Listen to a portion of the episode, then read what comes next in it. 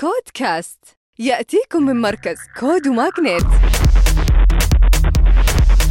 مع طارق الجاسر وحياكم الله في نشرتنا الأسبوعية. تطبيق دراهم للتقنية المالية يعلن أول استثمار لمسرعة Y Combinator الأمريكية في السعودية وكان بقيادة صندوق سنابل 500 MENA وشركات استثمارية خليجية. دراهم مساعد مالي رقمي للأفراد عبر استخدام أنظمة مصرفية مفتوحة وساهم في إنجاح أكثر من 3000 شركة تقنية حول العالم منها Airbnb و Dropbox أما منصة Alpha Wave الإماراتية لتكنولوجيا التعليم تجمع 57 مليون دولار في جولة تمويل جديدة بدعم من Sequoia Capital India و CapitalG و Manta Ray وغيرهم من مستثمرين. وهي عبارة عن برنامج رياضيات عبر الإنترنت بعد المدرسة وتسعى إلى ترسيخ مكانتها في الأسواق الحالية وبناء علامة تجارية.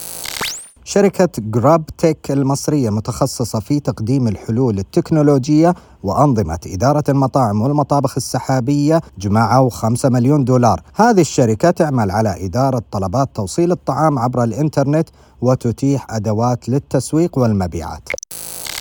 أرامكس تستحوذ على MyUS Shopaholic الأمريكية مقابل 265 مليون دولار. بتساعد الصفقة أرامكس على التوسع ودخول أسواق جديدة في استحواذها على نسبة كبيرة في سوق الشحن والتوصيل في المنطقة. ألود للخدمات اللوجستية توقع اتفاقية شراكة مع إيراد اللي هم UPS العالمية. تهدف الشراكة لتمكين الأفراد والشركات في السوق السعودي من القيام بعمليات شحن كاملة لجميع دول العالم من خلال تطبيق إلكتروني.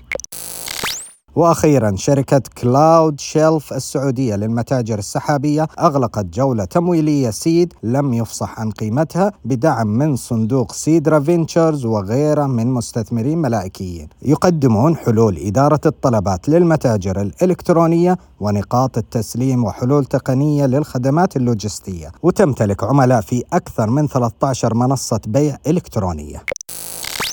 ختاما تذكروا أن الابتكار هو أصل الريادة. كودكاست.